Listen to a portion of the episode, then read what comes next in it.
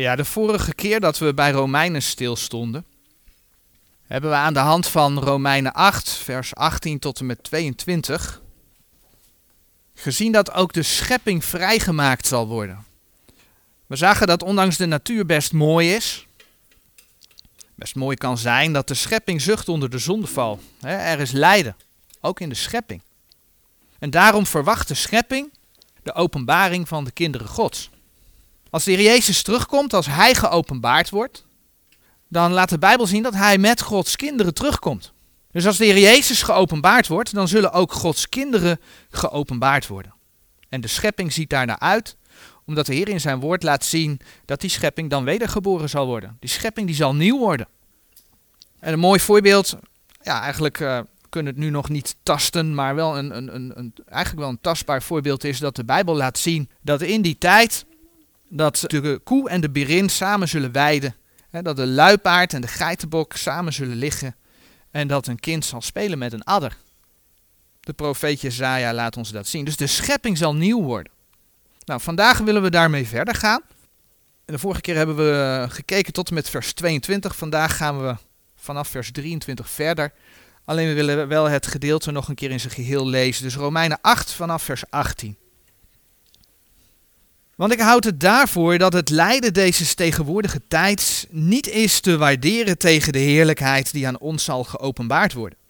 Want het schepsel als met opgestoken hoofden verwachtte de openbaring der kinderen Gods. Want het schepsel is der ijdelheid onderworpen.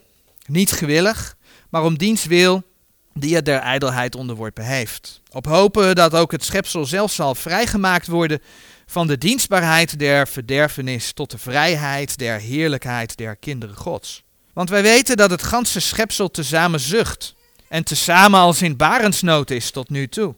En niet alleen dit, maar ook wij zelf, die de eerstelingen des geestes hebben, wij ook zelf, zeg ik, zuchten in onszelf, verwachtende de aanneming tot kinderen, namelijk de verlossing onzes lichaams. Want wij zijn in hoop zalig geworden. De hoop nu die gezien wordt, is geen hoop. Want hetgeen iemand ziet, waarom zal hij het ook hopen? Maar indien wij hopen hetgeen wij niet zien, zo verwachten wij het met leidzaamheid, met geduld. En desgelijks komt ook de geest onze zwakheden mede te hulp. Want wij weten niet wat wij bidden zullen, gelijk het behoort, maar de geest zelf bidt voor ons met onuitsprekelijke zuchtingen. En die de harten doorzoekt, weet welke de mening des geestes is, terwijl hij naar God voor de heilige bidt. In dit gedeelte zien we drie keer een zuchten. De vorige keer dat we bij Romeinen stilstonden, toen zagen we dat de schepping zucht. Zij lijdt onder de zondeval en ziet uit naar de openbaring van de kinderen Gods. Maar we lezen in dit gedeelte dat ook de kinderen Gods zuchten. Omdat zij nog ergens naar uitzien. Dat hebben we in vers 23 gelezen. Maar dan blijkt in Romeinen 8, vers 26 dat zelfs de Heilige Geest zucht. Maar laten we allereerst kijken naar het zuchten van de kinderen Gods. Dus naar, ja, naar ons zuchten. In vers 23, we lezen het vers nog een keer, daar staat geschreven, en niet alleen dit, maar ook wij zelf, die de eerstelingen des geestes hebben, wij ook zelf, zeg ik, zeg ik, zuchten in onszelf, verwachtende de aanneming tot kinderen, namelijk de verlossing onzes lichaams. Als het om de opstanding gaat, Zegt de Bijbel, is de Heer Jezus de eersteling. Dat kun je lezen in 1 Korinthe 15 vers 20. En in diezelfde context, 1 Korinthe 15 vers 23, hè, waar je dus leest dat de Heer Jezus de eersteling is, daar lees je dat wij zullen volgen in de toekomst. Eerst de Heer Jezus, Hij is de eersteling, wij in zijn toekomst. Maar in dit vers, daar hebben we gelezen over de eerstelingen des geestes. Als je wederom geboren bent, als je de Heer Jezus hebt aangenomen, als je een kind van God bent, dan heb je de Heilige Geest ontvangen. Als gemeente dragen we dan ook de eerstelingen des geestes. Waarom de eerstelingen? Nou, het is de schepping.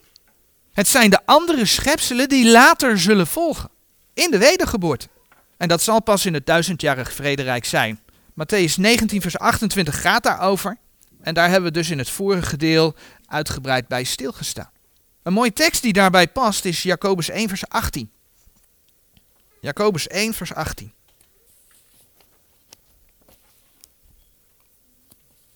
In Jacobus 1 vers 18, daar lezen we. Naar zijn wil heeft hij ons gebaard door het woord der waarheid, opdat wij zouden zijn als eerstelingen zijner schepselen. Ja, en dan komt het. Natuurlijk is Jacobus geschreven, Jacobus 1 vers 1, aan de twaalf stammen in de verstrooiing. En leerstellig moet je het toepassen op Israël. En dan komt het mooi, als je in openbaring gaat lezen over de 144.000 uit de stammen van Israël, uit de twaalf stammen van Israël, dan lees je dat zij in openbaring 14 vers 4 ook de eerstelingen genoemd worden. Dat kun je vinden in openbaring 14 vers 4. Maar geestelijk gezien kun je dit wel degelijk op de gemeente toepassen. De gemeente draagt door de wedergeboorte de eerstelingen des geestes. En de schepselen zullen later in het koninkrijk ook in de wedergeboorte volgen. Romeinen 8 vers 21 en Matthäus 19 vers 28. Dat is nu nog toekomst.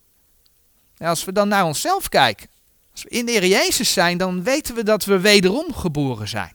Maar dat betekent niet dat we volmaakt zijn. Onze ziel is behouden, onze geest leeft voor God, maar ons vlees. Nou, bij Romeinen 7 hebben we ook uitgebreid stilgestaan, vers 17 en 18. In ons vlees woont de zonde. En zie daar de reden waarom ons lichaam niet naar de hemel kan. En als je dan in 1 Korinthe 15 kijkt, het bekende hoofdstuk over, over de opstanding, dan lees je in vers 50, 1 Korinthe 15 vers 50. 1 Korinthe 15 vers 50. Doch dit zeg ik, broeders, dat vlees en bloed het koninkrijk Gods niet beërven kunnen. En de verderfelijkheid beërft de onverderfelijkheid niet. Doch dit zeg ik, broeders, dat vlees en bloed het koninkrijk Gods niet beërven kunnen. En de verderfelijkheid beërft de onverderfelijkheid niet. Dat is ook de reden waarom ons lichaam veranderd moet worden. Daar spreekt 1 Korinthe 15, vers 51 over. En dat is dus waarom wij als gelovigen nog steeds uitzien naar de dag der verlossing. Toen we stilstonden bij een serie over wedergeboorte, over verlossing, over verzoening, over aanneming, over uitverkiezing, over heiligmaking. Toen zagen we geregeld dat, ja, dat er nog steeds een toekomstig aspect in zit. Ja, de Heer Jezus heeft je als gelovige vrijgekocht. Je mag door zijn bloed mag je, je geheiligd weten. En je ziet in de brieven dan ook vaak dat de gemeente aangeschreven wordt als de geheiligden in Christus Jezus. Dat klopt. Maar omdat wij zondigen, vraagt de Heer wel dat wij ons nog steeds reinigen. 2 Korinthe 7 vers 1. dat is een vorm van heiligmaking in ons dagelijks leven. En uiteindelijk zien we dan Bijvoorbeeld 1 Thessalonicense 5 vers 23 en 24 en dat heeft met de rechterstoel van Christus te maken. 2 Korinthe 5 vers 10. Dat we pas in de toekomst volledig geheiligd zullen zijn. Dus er zit nog steeds een, een verwachtingselement in. Maar zoiets zagen we ook bij de verlossing. Enerzijds zijn wij duur gekocht door het bloed van het lam. Wij hebben de verlossing reeds gekregen. Diverse teksten in Gods woord getuigen daarvan. 1 Korinthe 6 vers 20. Efeze 1 vers 14, Colossense 1 vers 13 en 14. Maar anderzijds zijn wij, zegt Efeze 4 vers 30, verzegeld tot de dag der verlossing. Dus er komt nog een dag waarop wij verlossing krijgen. Een verlossing waarover we in Romeinen 8 vers 23 gelezen hebben. Maar voordat we dat vers nogmaals lezen, hebben we hetzelfde ook gezien bij de aanneming. Door de wedergeboorte hebben wij, Romeinen 8 eh, vers 15, de geest der aanneming ontvangen, waardoor wij kinderen van God zijn. Je mag weten dat als je wederom geboren bent, dat je een kind van God bent. Johannes 1 vers 12 kun je erbij opzoeken, Efeze 1 vers 5. Maar toch zit ook daar weer een toekomstig aspect aan. En dat komt in Romeinen 8 vers 23 samen met de toekomstige verlossing. Laten we dat vers nogmaals lezen. En niet alleen dit, maar ook wij zelf, die de eerstelingen des geestes hebben, wij ook zelf, zeg ik, zuchten in onszelf, verwachtende, we verwachten iets, wij hopen, daar hebben we het vorige week over gehad, wij verwachten, verwachtende de aanneming tot kinderen. En wat houdt dat in? De verlossing van ons lichaam. Want ons lichaam ligt nog onder de zonde, dat lichaam gaat nog verlost worden. En dat is waar wij als gelovigen naar uit mogen zien. En tot die tijd, zegt Gods woord, zuchten wij in onszelf. Enerzijds omdat we onze Heeren lief hebben. We hebben hem lief, we willen naar hem toe, we willen hem zien. 1 Petrus 1, vers 7 en 8 spreken daar ook zo mooi over. 1 Petrus 1, vers 7 en 8. Opdat de beproeving uws geloofs, die veel kostelijker is dan van het goud, het welk vergaat, en door het vuur beproefd wordt, bevonden worden te zijn tot lof en eer en heerlijkheid in de openbaring van Jezus Christus. De welke gij niet gezien hebt en nochtans lief hebt. In de welke gij nu, hoewel hem niet ziende, maar gelovende, u verheugt met een onuitsprekelijke en heerlijke vreugde. We verheugen ons in hem. Maar het levert dus ook een zuchten, want we kunnen hem nog niet zien. Anderzijds omdat we nog steeds in dat zondige vlees rondlopen en iedere keer, ja, toch weer tegen onze gebreken aanlopen. Zo riep Paulus in Romeinen 7, vers 24 uit: Ik ellendig mens, wie zal mij verlossen uit het lichaam deze doods? David zegt het in Psalm 38. Ook zo mooi. Psalm 38, vers 9 en 10. Het is in een boetpsalm. En dan lezen we in Psalm 38, vers 9 en 10. Ik ben verzwakt en uitermate zeer verbrijzeld. Ik brul van het geruis mijns harten. Here, voor u is al mijn begeerte. En mijn zuchten is voor u niet verborgen. Zo komen we op aarde nog steeds in aanraking met, ja, met lijden. Allerlei vormen. 1 Petrus 1 vers 6 spreekt er onder andere over. Dus allemaal redenen om te blijven uitzien ja, naar die verlossing van ons lichaam. Allemaal redenen waarom de Bijbel laat zien ja, dat wij zuchten hier op aarde. Maar wel een verwachting hebben. Het volbrachte van, werk van de Heer Jezus omvat dus niet alleen de redding van je ziel, maar ook het vrijmaken van de schepping, maar ook het feit dat je een opstandingslichaam krijgt. En dat is waar wij naar mogen blijven hopen. Wij mogen blijven verwachten, we mogen er naar blijven uitzien, omdat de Bijbelse hoop een vaste grond heeft. Hebreeën 11 vers 1. En in Romeinen 8, vers 24 en 25 lezen we daarover. Want wij zijn in hoop zalig geworden. De hoop nu die gezien wordt, is geen hoop. Want hetgeen iemand ziet, waarom zal hij het ook hopen? Maar indien wij hopen hetgeen wij niet zien, zo verwachten wij het met leidzaamheid. Wij verwachten het met geduld. We weten dat het gaat komen. We mogen er naar uitzien. Dat is de Bijbelse hoop. En dus verwachten wij het met geduld, met leidzaamheid. Want het gaat komen. Ja, en dan komen we bij een tekst die met name in, in, in charismatische, in Pinksterkring nog wel eens misbruikt wordt om de huidige praktijk van zogenaamde tongentaal te onderbouwen. En dat is Romeinen 8, vers 26 en 27. En desgelijks komt ook de geest onze zwakheden mede te hulp, want wij weten niet wat wij bidden zullen, gelijk het behoort. Maar de geest zelf bidt voor ons met onuitsprekelijke zuchtingen. En die de harten doorzoekt, weet welke de mening des geestes is, terwijl hij naar God voor de heiligen bidt. Men zegt dan dat de Heilige Geest door een onverstaanbare taal door de gelovigen heen bidt. Maar ga kijken in Handelingen 2, dan zie je dat de apostelen de gaven van de vreemde talen hadden. En zij spraken in vreemde talen, waardoor de Joden die uit diverse landen kwamen, ja, hen konden verstaan. In hun eigen taal. En zonder daar nu heel uitgebreid op in te gaan, zien we dus dat de gave van vreemde talen absoluut niet de een of andere brabbeltaal was. En dan komt het mooie, het vers wat ze daar dan soms wel eens voor gebruiken, wat we net gelezen hebben, Romeinen 8, vers 26, kan helemaal niet toegepast worden. Daar is helemaal niet sprake van een onverstaanbare taal, maar van onuitsprekelijke zuchtingen, een taal uit je. Hier staat onuitsprekelijk, het is niet uit te spreken. Dus het gaat helemaal niet over een taal. De zuchtingen zijn op geen enkele manier van toepassing op de gaven van de vreemde talen.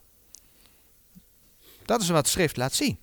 Wat we hier lezen, is dat terwijl wij nog niet volmaakt zijn, en daardoor zuchten, hè, Romeinen 8, vers 23. Terwijl wij daardoor met lijden te maken hebben, Romeinen 8, vers 21. Dat de Heilige Geest ons te hulp komt.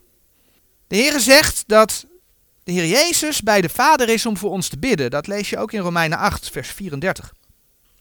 Maar klaarblijkelijk bidt ook de Heilige Geest voor ons. En daarin is er dus een soort samenwerking tussen de Zoon en de Geest. Wanneer er gesproken wordt in, in vers 27 over en die de harten doorzoekt, weet welke de mening des geestes is, dan is die, in die de harten doorzoekt, niet de Heilige Geest. Nou, als je openbaring 2 vers 23 opzoekt, dan zie je dat het de Heer Jezus is die de harten doorzoekt. Het is de Heer Jezus die de harten doorzoekt en die weet wat de mening des geestes is. En zo bidden de Zoon en de Geest voor ons. En kijk goed wat de reden is. In vers 26. Want wij weten niet wat wij bidden zullen gelijk het behoort. Daar staat niet.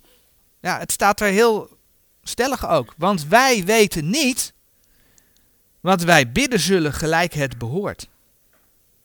Doordat wij nog op aarde zijn en ons vlees niet volmaakt is, wij door ons vlees vaak verleid worden, maar ook omdat wij nog niet van aangezicht tot aangezicht zien, weten wij vaak niet wat we bidden moeten.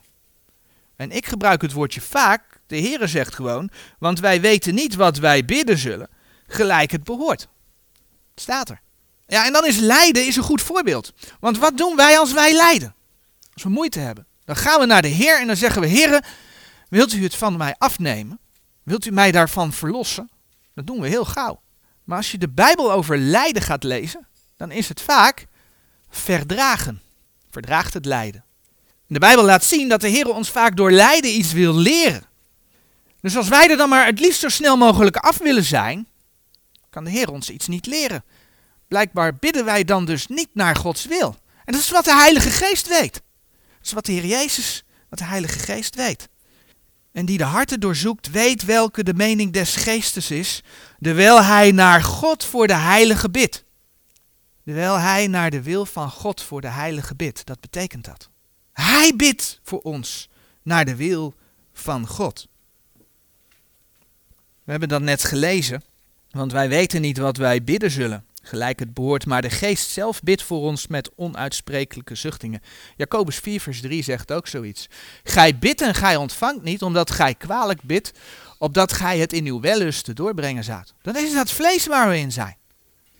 Heren wilt u dit, heren wilt u dit, heren wilt u dit. En vaak zijn dat allemaal dingen die ons bezighouden. Heren, wat is uw wil? En de Heilige Geest wil door ons heen bidden naar Gods wil. Ja, en dat kan dan betekenen dat als wij iets vragen, dat we soms ook gewoon nee krijgen. Ja, de Heer verhoort. Maar dat verhoren, dat kan een ja zijn, maar dat kan ook een nee zijn. Ja, en dan is toch het mooie voorbeeld in de Bijbel van iemand die een nee krijgt, is Paulus. En dat vinden we in 1 Korinthe 12. 1 Korinthe 12, vers 7 tot en met 10. Sorry, 2 Korinthe 12. 2 Korinthe 12. Ja, het staat wel goed op de dia. 2 Korinthe 12, vanaf vers 7. En opdat ik mij door de uitnemendheid der openbaringen niet zou verheffen, zo is mij gegeven een scherpe doorn in het vlees, namelijk een engel des Satans, dat hij mij met vuisten slaan zou, opdat ik mij niet zou verheffen. Paulus spreekt over een doorn in het vlees, hij noemt het een engel des Satans, en dan heeft hij het over met vuisten slaan. Dus fijn zal het niet geweest zijn. En wat zegt hij dan in vers 8? Hierover heb ik de Heer driemaal gebeden, opdat hij van mij zou wijken. En dan is de vraag, heeft de Heer het ook weggenomen? Nee, de Heer heeft het niet weggenomen. Kijk maar in het volgende vers. En hij heeft tot mij gezegd, mijn genade is u genoeg. Want mijn kracht wordt in zwakheid volbracht. En de conclusie, zo zal ik dan veel liever roemen in mijn zwakheden, opdat de kracht van Christus in mij wonen. Daarom heb ik een welbehagen in zwakheden, in smaadheden, in noden, in vervolgingen, in benauwdheden om Christus wil. Want als ik zwak ben, dan ben ik machtig. Zien we hoe Paulus een nee als antwoord krijgt? Maar het had wel een doel en dat, dat wist hij ook. Het had een doel. En dan komt het en de Heere wist wat goed was voor Paulus. En zoals de Heere wist wat goed was voor Paulus, Zo weet de Heer ook wat goed is voor ons. Verhoort de Heer het gebed? Ja. Maar een ja betekent niet altijd dat wij onze zin krijgen. Maar de Heer weet wat goed voor ons is. Amen.